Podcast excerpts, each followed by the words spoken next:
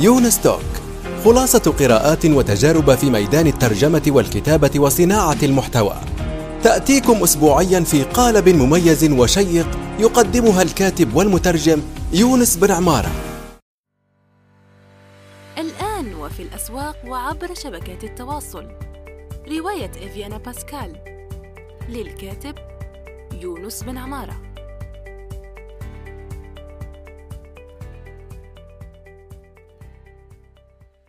السلام عليكم ورحمة الله وبركاته. صباح الخير أو مساء الخير حسب الوقت الذي تستمعون فيه إلى هذه الحلقة الجديدة من يونس توك. هذه الحلقة سوف تكون بإذن الله إجابة عن سؤال الأستاذة Evil Smile Evil Smile يعني هو اسم مستعار طبعا عبر التويتر ويقول سؤالها عن هواية ترجمة الأفلام والمسلسلات والقصص المصورة. هل هي مفيدة؟ وهل علي الترجمة باسمي الحقيقي أم اسم مزيف؟ وهو موضوع مهم على فكرة والكثير يعني يسألون مثل هذا السؤال لأنه وصلني على الخاص مثله وسوف نجيب عليه بإذن الله تعالى. فنقول متوكلين على الحي الذي لا يموت بسم الله. طيب هواية ترجمة الأفلام والمسلسلات والقصص المصورة في البدايات آه، جيدة. يعني فأنت راح تتعلم عدة برامج تتعلم عدة كلمات. تتعلم يعني الإنجليزية ممكن تتعلم كثير جدا من الكلمات آه، اليابانية وما إلى ذلك وحتى تتحسن لغتك العربية. تمام؟ فأنت بداية راح تترجم بشكل سيء وهذا معقول ومعروف يعني شيء طبيعي. بشكل رديء آه، تشبه ترجمة يعني جوجل أو أسوأ. لكن بعدين ستتحسن خاصة وأنك راح تقرأ مثلا ترجمات أخرى جيدة وتشاهد أنمي مترجم بشكل جيد وترى أن الترجمات هذه جيدة وأن مستواك يجب أن يتحسن فالجواب عن مقطع السؤال الأول عن هواية ترجمة الأفلام والمسلسلات وقصص مصورة هل هي مفيدة؟ نعم نافعة من ناحية أن تطور مستواك المستوى التقني والمستوى اللغوي. المستوى التقني لأنه مثلا ترجمة القصص المصورة تتطلب منك استخدام بعض البرامج. أحيانا الناس تستخدم برامج آه، الفوتوشوب ليعني حذف الكلمات الإنجليزية واليابانية ووضع آه، العربية عليها وأيضا راح تستخدم خطوط مختلفة وما إلى ذلك. وأيضا ترجمة الأفلام لها برامجها والمسلسلات لها برامجها وما إلى ذلك. فهي نعم أنا يعني أنصح الشخص أن يدخل ويجرب لأنه سوف يكتسب آه، خبرة تقنية كبيرة في هذا المجال وأيضا حتى لغوية تتطور قليلا قليلا. لكن المسألة هنا أهم نقطة في الموضوع هو أنك لا تبقى في خانة أو منطقة الهواة أماتور زون يعني لا تبقى في منطقة الهواة لا تبقى في منطقة الهواة خلص أنت تعلمت هنا انتقل إلى الأمور الاحترافية بالتعامل مع شركات يعني جيدة وشركات محترمة وشركات آه، مرموقة وشركات تراعي حقوق المحتوى. تمام؟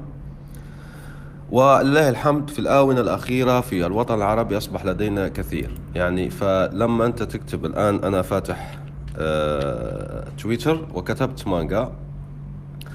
فلما أكتب مانجا راح ألاقي مثلا مانجا للإنتاج وهي شركة سعودية وعندها علامة التوثيق الزرقاء. تمام؟ وعندك مانجا العربية وعندها علامة توثيق الزرقاء ومانجا العربية للصغار نفس الشيء ومانجا العربية للشباب.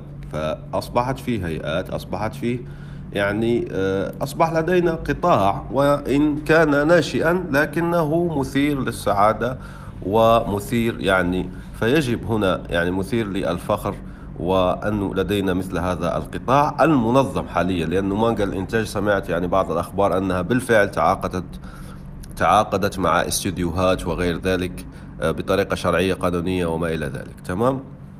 فهذا الذي نريده. نتابعهم طبعا ونقدم آه، على وظائفهم ونتواصل معهم وننشط معهم لكي ندخل المجال بصورة احترافية. إذا هواية ترجمة الأفلام والمسلسلات والقصص المصورة هل هي مفيدة؟ نعم من ناحية تقنية ومن ناحية لغوية كما أسلفنا ولكن لا نظل في منطقة الهواة.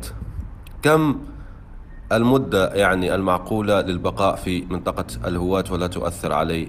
عامين يكفي فقط. خلاص أنت تترجم عامين. وهنا ملاحظة مهمة. طبعا كهاوي أنا أقصد بصفتك هاويا. عامين يكفي. وأرجوك لا تتعامل مع المواقع المقرصنة ومواقع الأفلام والمسلسلات والقصص المصورة المقرصنة لأنك راح تفيدهم ماليا وهم يعني لن أه لن يعطوك بنسا أو يعطوا لك يعني فلوس قليلة جدا وهي مشبوهة لأنك لأنها يعني غير شرعية تماما. أنا أقول لك بكل صراحة هنا لا تتعامل معهم. ومن بين ذلك أغبى شيء سمعته أغبى وأبله شيء يعني إنجاز التعبير إن كانت في اللغة العربية يسمى أبله يعني من, من ناحية أفعل التفضيل. أسخف شيء هو أني أدخل لتلك المواقع تبع الأنمي وأرى يعني أنه ادعمونا لأننا السيرفرات غالية جدا وكذا ولا نربح شيئا. أنت تعمل هذا لفضل يعني لوجه الله عز وجل. ولا تنسوا الصلاة ولا تنسوا كذا. طبعا أنا مع لا تنسوا الصلاة ولا تنسوا كذا. بس صديقي لا تسرق الناس ثم تظهر التدين. هذه نقطة مهمة صراحة يعني. وأيضا لا تكذب على الناس وتقول لهم أني أدفع من جيبي للسيرفرات لأنك تربح من الإعلانات وغير ذلك. تمام؟ إن كنت يا عزيزي تقدم خدمة مجتمعية قدمها بشكل صحيح.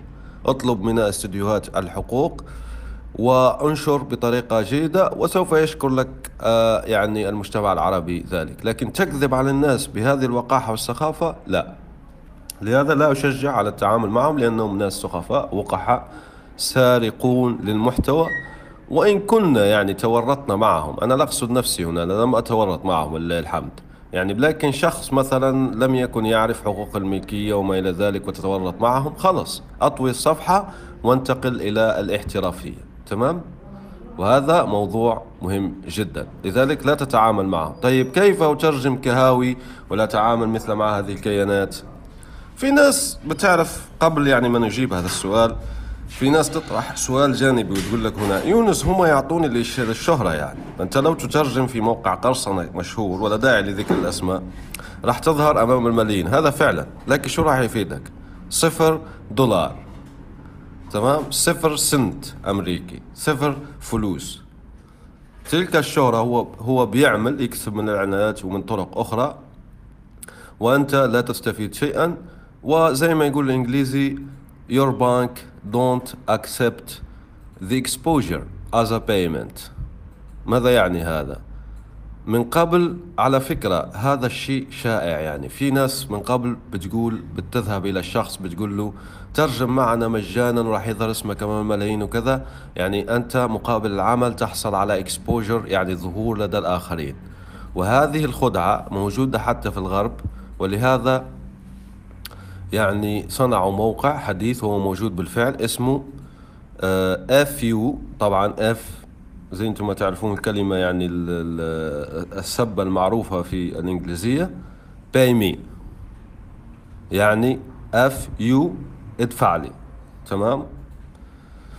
لأنه الناس بالفعل لما الشركات بتذهب إلى مشهور ومؤثر وراح يعني راح تكسب أن أننا سوف نذكرك أنك متعاون معنا والناس تعرفك وكذا هذه خدعة لم تعد تنطلي على الناس زي ما حكيت لك لدرجة أنه منصة كاملة تأسست اسمها فيو بايمي لدحض هذه آه، آه، هذا النوع من التعاقد.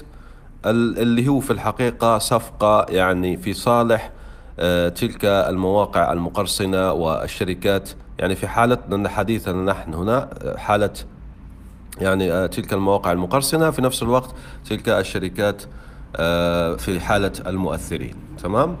فلهذا نحن أجبنا الآن على ولله الحمد على شق السؤال الأول وسوف نجيب على شق السؤال الثاني. الآن وفي الأسواق وعبر شبكات التواصل. رواية إفيانا باسكال. للكاتب يونس بن عمارة.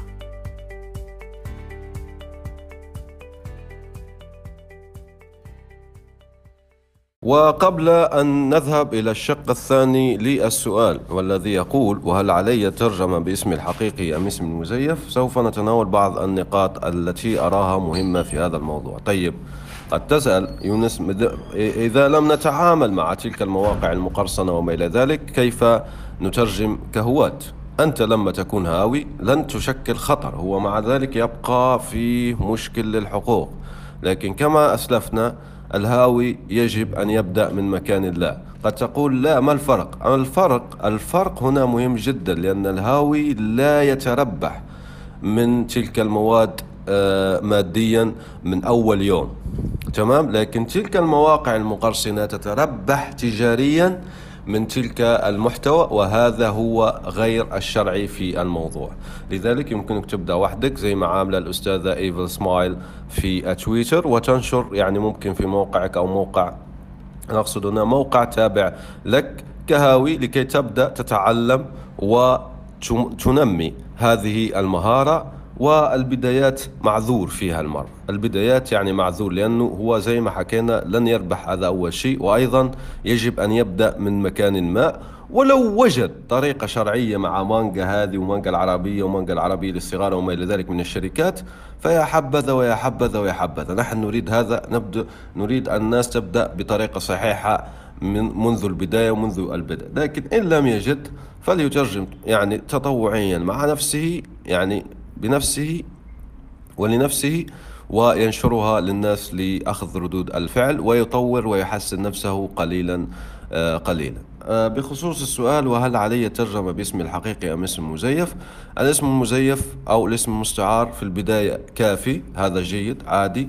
لكن عندما نبدأ بطريقة احترافية زي ما حكينا بعد عامين من التدرب والنشر بطريقة هاوية أو بصفتك أنك هاوي فنبدأ بكشف اسمنا الحقيقي ونبدأ بالترجمة الاحترافية وباسمنا الحقيقي والتعامل مع الآخرين. تمام؟ وبناء business حول الموضوع. هذا شيء مهم جدا. يعني إن لم تجد وبعد المراسلات لو أنت تراسل الجهات التي حكيت لك عنها وأكثر سوف تجد بإذن الله لو تراسل بطريقة صحيحة وتظهر نفسك وعندك معرض عمل جيد وكذا بإذن الله سوف تجد عمل معهم بطريقة ما. لكن حتى لو لم تجد وهذا شيء يعني آه، شبه مستحيل لكن لنفرض أنك لم تجد تمام؟ هنا الأنمي فيه قوة كبيرة جدا أنك يمكنك كصانع محتوى تربح منه بعدة طرق شرعية فمثلا مراجعات الأنمي. أنا أقترح أنه شخص يكتب يا اما مراجعات أنمي وينشرها في مكان ما ومثلا يعمل آه، يعمل آه، زر تبرع أو زر اشتراك أو زر يعني آه، بيكون المحتوى مدفوع أو مكان ما مدفوع مثلا نقاشات محترمة وهادئة وليس فيها فوضى أو تنمر زي مجتمع مثلا تمام؟ طبعا هذا قبل ذلك يتطلب أن تنتج كم كبير جدا من المحتوى عالي الجودة لتغري الناس ليشتركوا في هكذا آه، في هذا الشيء. هذا أول يعني هذا من ناحية الكتابة. هذا أول خيار. عندك أيضا ممكن تعمل مراجعات صوتية زي البودكاست هذا مراجعات صوتية لآخر حلقات الأنمي التي تراها. تمام؟ ويمكن أيضا عمل مراجعات مرئية مش شرط أنك تظهر أنت شخصيا هناك في اليوتيوب وهو ميدان جيد جدا. وهنا أنت عندك نقطة قوة لأن الناس تبحث بالفعل عن التحليلات تبع الأنمي. يعني تحليلات آه الأنمي والمانجا أيضا حتى المانجا وليس فقط آه الأنمي. فهنا في عدة طرق. فهنا تتربح مثلا من باتريون تتربح من آه, آه، اليوتيوب تتربح من البودكاست بعدة طرق وما إلى ذلك. تمام؟ ففي عدة طرق. هذا على فرض أنك لم تجد عمل يعني آه، بصفة اعتيادية في تلك الشركات التي قلنا أنها بدأت تظهر بقوة في آه، قطاع الاقتصادي الوطني. آه، القطاعات الاقتصاد يعني هي ظهرت كقطاع اقتصادي في الوطن العربي. تمام؟ فهذا أظن أنه جوابك. قبل يعني أن ننهي الحلقة أود أن أقول هذه آه، الكلمة المهمة جدا الموجهة لمترجمي الأنمي والمانجا العرب. يا جماعة الخير يعني أرجوكم ثقفوا أنفسكم لأني لاحظت نقص فادح وخطير ومخزي في الثقافة العامة. يعني فالناس أراها تحلل آه، دون رصيد ثقافي. المانجا والأنمي فن عميق وعريق في نفس الوقت. لا يمكنك أنت جاهل ما تعرف شيء أنك تبدأ تحلل وتصنف وتتكلم وتقول وكذا. لا يا جماعة الخير ثقفوا أنفسكم. كيف نثقف أنفسنا؟ يجب أن تدرس الأدب الياباني. أكرر. يجب أن تدرس الأدب الياباني. أكرر. يجب أن تدرس الأدب الياباني. على سبيل المثال أنا ما يجيني واحد يقول لي محلل أنا أنمي وما يعرف حكاية جينجي. قد تسألني ما هي حكاية جينجي؟ أقول لك حظك جيد أو بختك أو طالعك سعيد. ليش؟ لأني راح أحكي لك عن باختصار عن حكاية جينجي. حكاية جينجي هو عمل كلاسيكي من الأدب الياباني. كتبته النبيلة وموراساكي شيكيبو في انتظار سيدة في السنوات الأولى من القرن طيب المهم هي حكاية يعني جينجي هذه عمل كلاسيكي من الأدب الياباني. آه، السنوات الأولى آه، يعني ألف من القرن آه، الحادي عشر الميلادي. و يعني وهو يعد في بعض الأحيان أول عمل أول رواية في الأدب الياباني. بل بعض الناس يطلقون عليه أحيانا أول رواية في العالم أو أول رواية حديثة أو أول رواية نفسية أو أول رواية لا تزال تعتبر كلاسيكية. على الرغم من اعتباره تحفة فنية إلا أنه أن تصنيفه الدقيق وتأثيره لا زال موضع جدل. المهم فهو عمل هام جدا وعلى فكرة يعني هو كتب بيابانية لا يفهمها اليابانيون العاديون الآن. ولهذا ترجم أيضا إلى اليابانية مع أنه مكتوب باليابانية لكن ترجم إلى اليابانية الحديثة على يد الشاعر أكيكو يوسانو. تمام؟ فهذا مثلا هذا مثال بسيط على ما ينبغي لجماعة الأنمي والمانجا أن يعرفوه. لماذا حكاية جنجي مهمة؟ حكاية جنجي مهمة لأن لها تأثير واسع جدا في الكثير من المانجا والأنمي اللي جاء بعدها كلها طبعا. جاء جاءوا بعدها. وأيضا إلى جانب أنها مهمة جدا زي ما حكيت لك بعض الناس هنا يراها أنها أول رواية في العالم مع أني أنا شخصيا أرى أن أول رواية في العالم هي رواية الحمار الذهبي لأبولس لوكيس تمام؟ هو يعني آه، قبل الميلاد كتبها وهي موجودة لدينا على فكرة مكتوبة باللاتينية ومترجمة للعربية قصة يعني رواية من أروع ما قرأت في حياتي. لكن زي ما حكينا رواية جنجي هذه هاو أول رواية في العالم بعض الناس يرونها كذلك وأول رواية حديثة وأول رواية نفسية زي ما نعرف الأمور النفسية منتشرة في الوقت الحديث. لذلك هذا هو ندائي لمترجمي المانجا أو المشتغلين في المجال والأنمي. رجاء ثقفوا أنفسكم.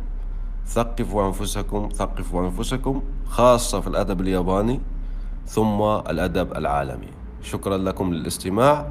نلتقي في الحلقة المقبلة إن شاء الله. شكرا لكم. سلام. نأمل أن يكون موضوع هذه الحلقة قد نال استحسانكم. انتظرونا في الأسبوع القادم ولا تنسوا مشاركة الحلقات والاشتراك بالبودكاست. علما أنه بإمكانكم مراسلتنا باقتراحاتكم للتحدث عن أي موضوع يتعلق بالكتابة والترجمة وصناعة المحتوى.